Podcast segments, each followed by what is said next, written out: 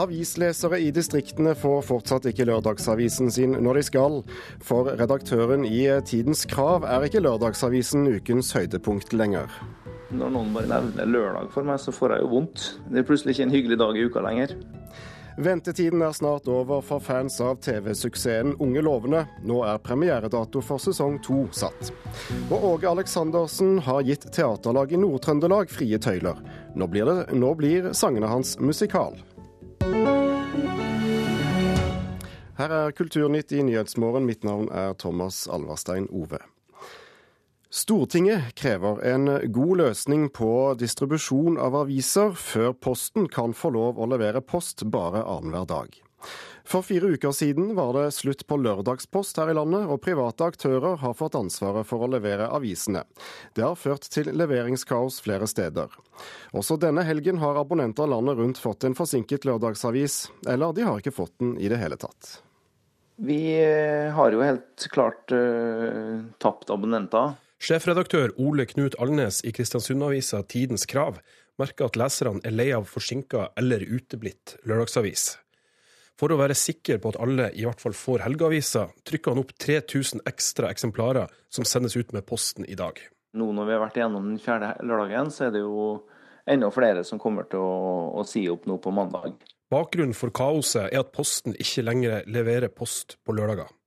I stedet betaler Samferdselsdepartementet private aktører for å gjøre jobben. Det er uklart nøyaktig hvor mange aviser som ikke har kommet fram de siste lørdagene.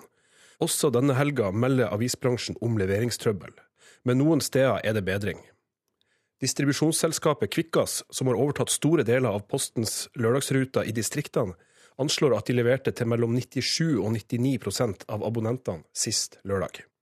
Mediepolitisk talsmann i Arbeiderpartiet, Arild Granne, mener det ikke er holdbart at folk ikke får aviser. Man har hatt god tid på seg til å uh, sikre at uh, det var lørdagsoppbæring i hele landet, men det har han ikke lyktes med. Og Nå er det mange uker siden det her ble endra, og fortsatt ser det ikke ut som at det er en løsning. Samferdselsminister Ketil Solvik-Olsen sier at han ikke vil sløse vekk skattepenger på en ordning som ikke fungerer.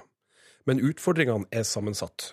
Noen steder så handler det om for dårlig opplæring av budene. Da må Kvikkas lære opp budene sine bedre, og det vet vi at det har de gjort. Andre steder handler det om gråsone der en ikke er helt sikker på hvem som har ansvaret. Da har vi gått inn i den jobben. Noen steder handler det om transporten fra trykkeriet til distribusjonsområdet. Det er utenfor Kvikkas sitt ansvar, men det er òg noe som må løses for avisene skal fram til brukeren. Lørdagserfaringene lurer i kulissene når Stortinget i morgen kommer til å åpne for at Posten kan få levere post bare annenhver dag.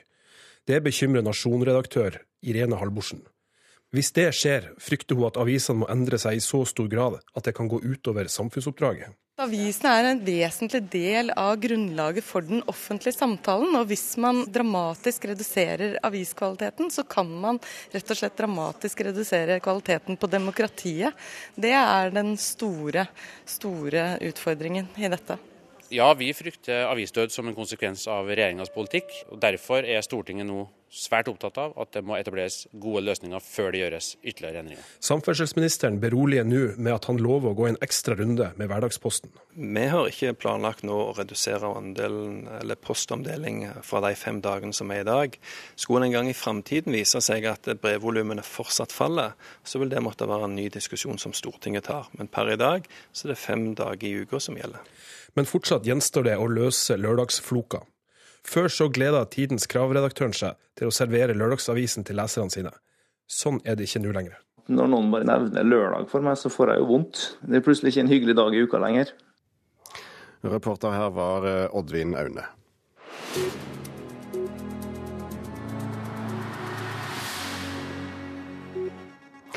Og nevnte Oddvin Aune har kommet i studio, for eh, rubrikkannonsegiganten Finn får nå hard eh, konkurranse. Det vet du mer om? Ja, det stemmer. Dagens Næringsliv skriver at Finn har, for får hard konkurranse om å nå de unge brukerne. Denne kjøp- og salgstjenesten på nettet den har jo en enormt sterk posisjon i Norge, og er jo førstevalget for de aller fleste av oss som skal selge og kjøpe ting. Men nå dukker det opp nye tjenester som Tice og Spock, som opplever en voldsom økning i eh, bruken. Begge har ei ung eh, brukergruppe. Rundt 80% er under 35 år. Og det som skiller de her appene fra Finn, er at man tar i bruk GPS-lokasjon og Facebook eller Instagram for å finne ut hva som er til salgs i nærheten. Uh, Spock er til stede i flere land, men, og er faktisk eid av Finn. Men Finn benekter sjøl at de spiser av hverandres markedsandeler. Så ingen kannibalisme der i gården. Det gjenstår å se.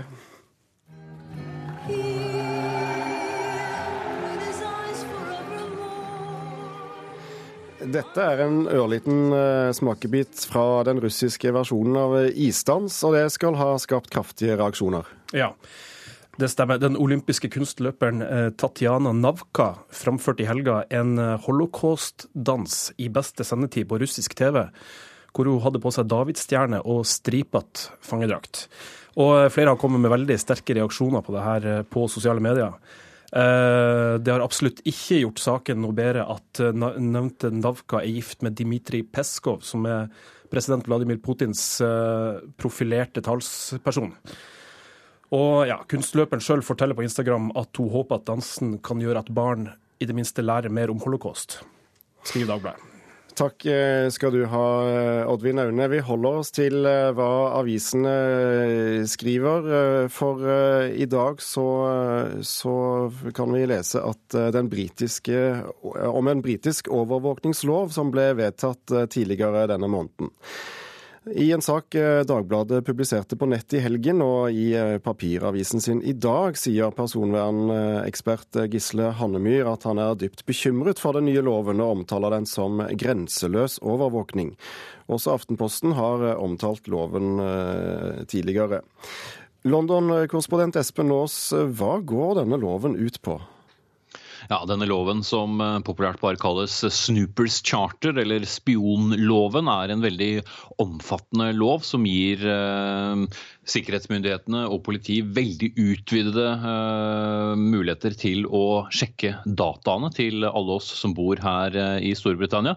Grunnen til at de har fått lov til dette, er uh, rikets sikkerhet, særlig da faren for terror. Og overvåkingsmyndighetene har jo lenge ment at de har hatt altfor lite tilgang til folks personlige data. Det fikk de til slutt. Dette er for øvrig en lov som har brukt nesten fire måneder på å komme, fire år, unnskyld, fra å komme fra tegnebrettet og til å bli vedtatt både i Underhuset og Overhuset.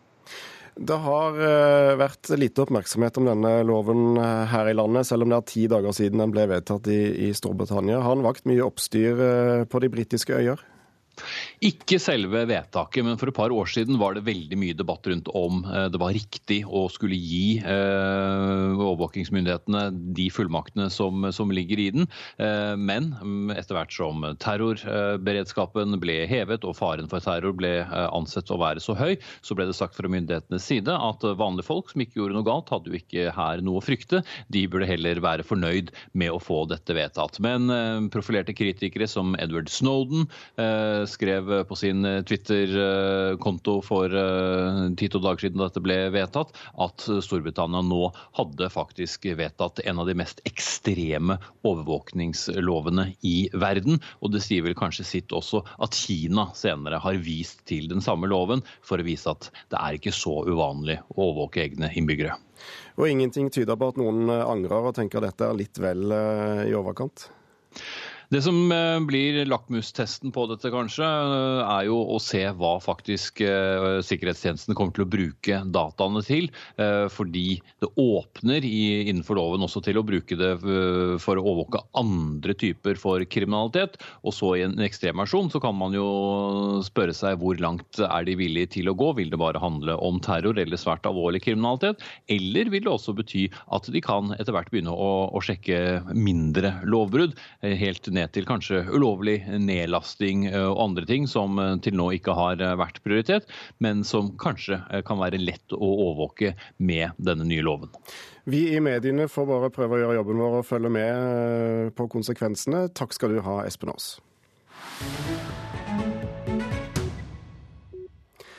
I fjor ble TV-serien Unge lovende hyllet av kritikerne, og sett av hundretusener av nordmenn. Mange har ventet på å følge venninnegjengen videre i en ny sesong. Serieskaper Siri Seljeseth gleder seg til endelig å få vist oppfølgeren. Det er vanskelig nummer to. De kaller det det for en grunn, tror jeg.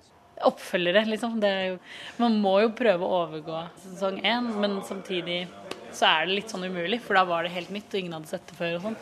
Eh, Lise, kunne tenkt deg å bare sette litt på den teksten her. Også fordi Hva er det for noe? eh, jeg skal lese kanskje noe, lesende i kveld. Så jeg må finne et utdrag. Er det boka di? Eller det er utdrag da, fra det som kanskje Jeg har gleda meg til å lese den her i 100 år. Ja. 100 år har det kanskje ikke gått, men det er ett år siden første sesong av Unge lovende hadde premiere på NRK. Hver av episodene i seriens første sesong, som følger Elise, Alex og Nenne sine veier mot drømmeyrkene, ble i snitt sett 672 000 ganger. Nå forteller serieskaper Siri Seljeseth, som også spiller Elise, at premieren på sesong to er satt til 20. januar. Jeg er veldig spent på å se hvordan folk tar det imot. Det er, eh, vi følger opp noen av de gamle historiene, og så er det noen nye, noen nye karakterer. Og kanskje en litt sånn mørkere tone. Eller litt sånn valør i den. Vi går i noen retninger som jeg liker veldig godt, og så vil det antageligvis gjøre at eh, noen kanskje faller av eller ikke foretrekker det vi har valgt. Mens andre kanskje vil like det enda bedre pga. nettopp de valgene vi har tatt. da. Du spør psykologen om hun kan forklare hva et univers er. Hun sier at det er et rom. Du spør henne hva som er etter det rommet.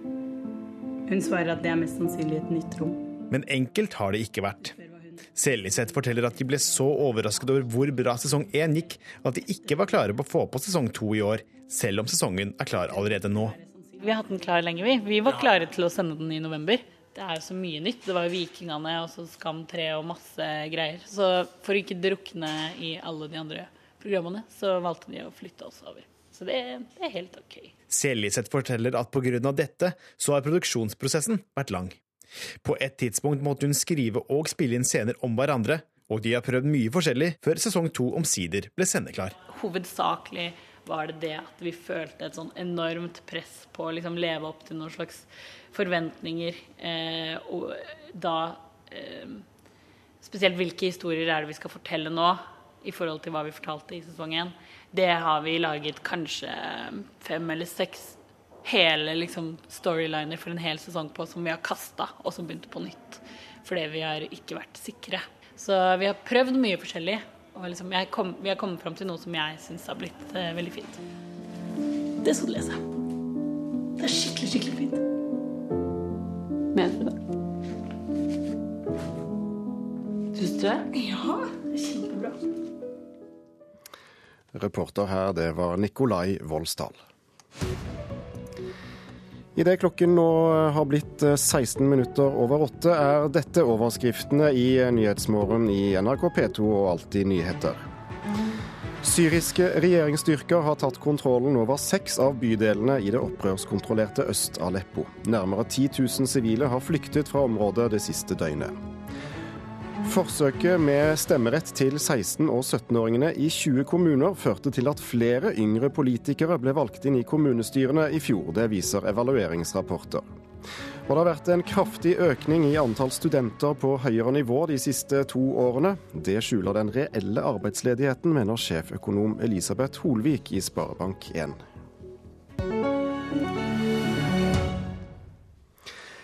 Det franske satiremagasinet Charlie Hebdo satser i Tyskland. Magasinet ble for snart to år siden angrepet av terrorister, og tolv personer ble drept i redaksjonslokalene. Verken Muhammed eller paven er hellig for de franske tegnerne. Reporter Johan Tolgert i Paris, hvorfor velger de nå å satse på en tysk versjon? Jo, Charlie Hebdo är faktiskt väldigt populär i Tyskland och flera tusen exemplar av den franska upplagan eh, brukar säljas i de tyska tidningskioskerna. Och nu den 1 december så ska den första utgåvan av Charlie Hebdo på tyska då komma att ges ut. I huvudsak så ska den tyska utgåvan innehålla samma satirteckningar och texter som nu finns i det franska veckomagasinet. Man ska alltså översätta dem från franska till tyska men det ska sen bli mer och mer eget material på tyska. Chefredaktören är en kvinna som heter Minka Schneider. Hon ska sitta i Paris och det är lite överraskande. Det kommer alltså att bli ganska nära samarbete mellan den franska och den tyska redaktionen. Altså, I, i Tyskland så, så, har vi jo hørt at uh, den tyrkiske presidenten f.eks. rettsforfølger tyske komikere for å få dem til å, å slutte å tulle med ham. Kan, eh, kan, de rett og slett drive samme type satire i den tyske utgaven som i den franske? Ja, det tror jeg sikkert. Man får jo si alt som loven tillater, mener man på relasjonen her i Paris. Det är dock redan spända, eh, alltså anspända relationer mellan den tyska kulturvärlden och Turkiets Erdogan som du säger här. Och ni minns kanske att Erdogan han blev riktigt, riktigt uppretad och arg mot en tysk satirsång häromåret. om året. Eh, Turkiets president ville då få klippet stoppat på internet men eh, istället så sågs det av ännu fler människor i hela världen. Sångens upphovsman fick problem med de tyska myndigheterna. Så en strategisk fråga eh, bakom det här beslutet att sätta den tyska chefredaktören i Paris, det kan nog vara vill tyska myndigheter fälla tyska Charlie Hebdo, vem ska man då attackera? Redaktionen i Tyskland eller blir det chefredaktören i Paris? För juridiskt så kommer ju två länders lover att gälla och det kan försvåra eh, avsevärt eh, eventuella sanktioner mot tyska Charlie Hebdo. Johan Tolgert, eh, Charlie Hebdo ble jo eh, verdenskjent, dessverre, får vi si, i kjølvannet av, av, terroren de opplevde. Hvordan har eh, hverdagen til de ansatte tegnerne endret seg siden tragedien? Ja, det er veldig tuff hverdag faktisk. Man vet f.eks. ikke ens hvor relasjonen ligger någonstans lenger her i Paris. Den skal finnes i en lokal i sødre Paris som sies likner noen slags bunker som altså skal klare hvilke terrorangrep som helst. Och nyligen för NRK så intervjuade jag eh, Charlie Hebdo-medarbetaren Zineb El Razoui. Och när hon kom till kaféet där vi skulle träffas så kom hon med hela sex livvakter och alla var utrustade med automatvapen in till kaféet där vi då satt. Så du kan ju gissa vilken spänning det blev bland de här expediterna och flickorna som serverade på kaféet. Jag såg hur iskalla blickar och nervösa blickar de fick. Och den här eh, medarbetaren, hon har ändå slutat på tidningen men fortsätter alltså få ett sånt stort eh, så att deras privatliv er faktisk minst sagt tuff. Ingen spøk å lage humor i eh, Frankrike. Tusen takk for at du var med oss, eh, Johan Tolgert.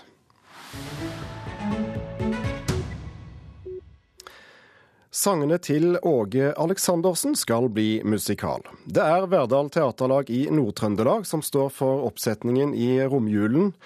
Øvingene pågår nå for fullt, og i helgen fikk Åge Aleksandersen selv høre hvordan det blir.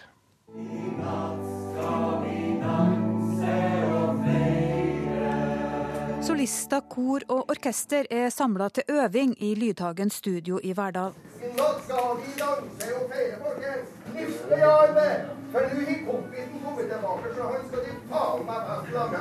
Han vet hvordan han vil ha det, Arnulf Haga. Han er både regissør og tekstforfatter, og lover stor dramatikk. Jeg har bestemt meg for rammeverket for den teksten. Det har ikke noe nå med. Det er en spenningshistorie hvor du er i gråsone med kriminelle og folk som har motiver, og det blir farligere og farligere. Hvordan oppleves det for dere å få tilgang til Åge sine tekster for å lage en sånn musical? Det er jo bare helt fantastisk, men det er et veldig stort ansvar. Fallhøyden er på den ene sida stor, men det må være ei historie som har sin egen bærekraft. Leva livet handler om kjærlighetsbarnet, musikeren, rabagassen og narkosmugleren Abel Mathisen og hans menneskelige testamente, og er slett ingen Åge-musical. Dette handler ikke om en Åge Aleksandersen lenger. Det handler ikke om sambandet, men det handler om hans fantastiske tekst. Hovedtemaet i forestillingen er samvittighet. Det er en mann som kommer ut fra fengselet, uskyldig dømt i tre år. Og de står utafor og venter på ham. Åge Aleksandersen har fulgt øvinga for første gang, og liker det han hører. Spennende. Det er jo stort med kor og stryk og blås og band og du verden, du verden. Så ja, interessant. Hva syns du om historia som skal fortelles eh, på scenen? Jeg har ikke den helt klart for meg ennå, da. De har fått helt frie tøyler her med liksom lag noe med utgangspunkt i i sangene mine. Men jeg syns jo først og fremst det er stilig her inne på Verdalen hva de er i stand til å stelle til. som å si det. Jeg er veldig imponert. Det sier en noe nasal Åge som nettopp har vært gjennom en neseoperasjon. Han syns det er en ære at de lager musical av sangene hans og har full tillit til Haga. Jeg er spent, men samtidig så har jeg jo, sant, for han Arnulf Hagan er en fyr som jeg setter veldig stor pris på og respekterer, så jeg er helt trygg på at det de gjør, blir eh, fint. Det er jo den 'Himmelens herlige' som blir mest forskjellig fra originalen i det tempoet vi kjører nå. Inge Aske Skrove har laga orkesterarrangementene til Åges sanger, og det er spesielt både for han, solistene, koret og orkesteret å fremføre musikken for første gang med Åge til stede. Han ønsker ikke at vi skal gjøre for mye med gitargrepene, og han vil kjenne igjen sangene sine, sant? men så har jeg valgt å gå veldig og tatt veldig vare på grunnstemningen i sangene. Men så har jeg jo fått mye frihet til å gjøre ting med blås og stryk, da. Så det å ha han her til å sitte og lytte på og få tilbakemeldinger i dag. Nei. Det er så kult at det, det er helt eh, fantastisk. Jeg har ikke møtt noe så mye før, men jeg har møtt noen ganger. og Det er også, han er jo så positivt tenkt på en prosjektet at eh, det er bare stas, ja. Så du er ikke nødt til å endre på arrangementene nå når du har sittet her og hørt, det hørt på Foreløpig er det? det tommel opp hele veien, så det, så det tror jeg skal gå veldig fint. De hadde stor suksess med vinsjene på kaia Verdal Teaterlag for to år siden. Regissør Arnulf Haga håper vinterens storsatsing også slår an. Vi har jo aldri solgt så mye billetter noen gang, da, så Åge er jo kvalitet. Og vi selger selvfølgelig veldig godt på Åge, men samtidig, så etter premieren så er det jo Det må jo være godt teater òg. Og reporter på musikaløvelse i Verdal, det var Grete Tobro. Statsbygg utsetter konkurransen om å bygge nytt regjeringskvartal med to måneder. Byggeprosjektet blir omtalt som tidenes største her i landet. Hvor mye det vil koste er foreløpig ikke klart, men det er ingen tvil om at prosjektet stadig blir mer omfattende og vanskelig å planlegge. Arkitektkontorene som skal delta i konkurransen er allerede varslet, sier prosjektdirektør Knut Jørgensen i Statsbygg. Når vi lyste ut konkurransen, eller prekvalifisering til konkurransen, så la vi ved en orienterende framdriftsplan som vi antyda at man kunne starte opp før jul. Og så gjennom det arbeidet som nå er gjort framover, så har vi sett at det var litt for raskt. Så vi flytter den da til etter jul. Hovedgrunnen for det er jo rom- og funksjonsprogrammet som skal behandles i KMD, og høringsfrist knytta til det. Det er veldig viktig det at uh, dette blir uh, hørt og skikkelig behandla, og et godt fundament for det videre arbeidet. Så det øvrige arbeidet med riving, det, det går som planlagt? Per i dag så har vi jo ikke noen uh, offisiell framdriftsplan, men de øvrige forholdene i regjeringskvartalet blir upåvirka av denne saken. Sa Knut Jørgensen i Statsbygg til reporter Espen Alnes.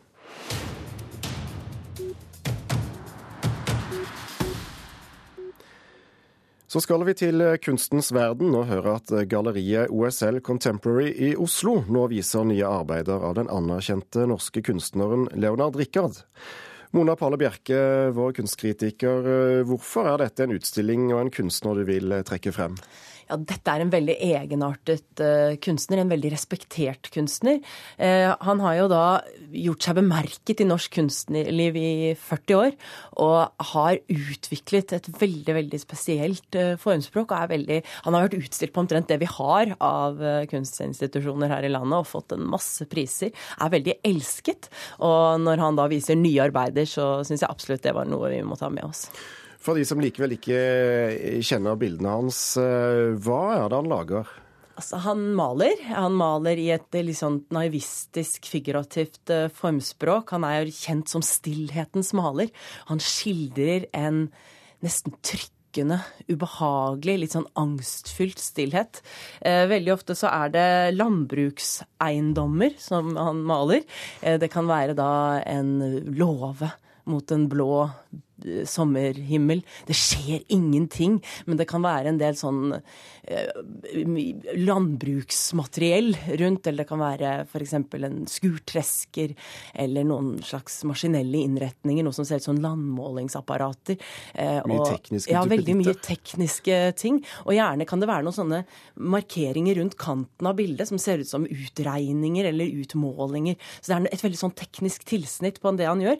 Og det som kjennetegner bildene veldig sterkt, er at det, det er veldig, veldig stille. Det skjer ingenting. Det er ventetid.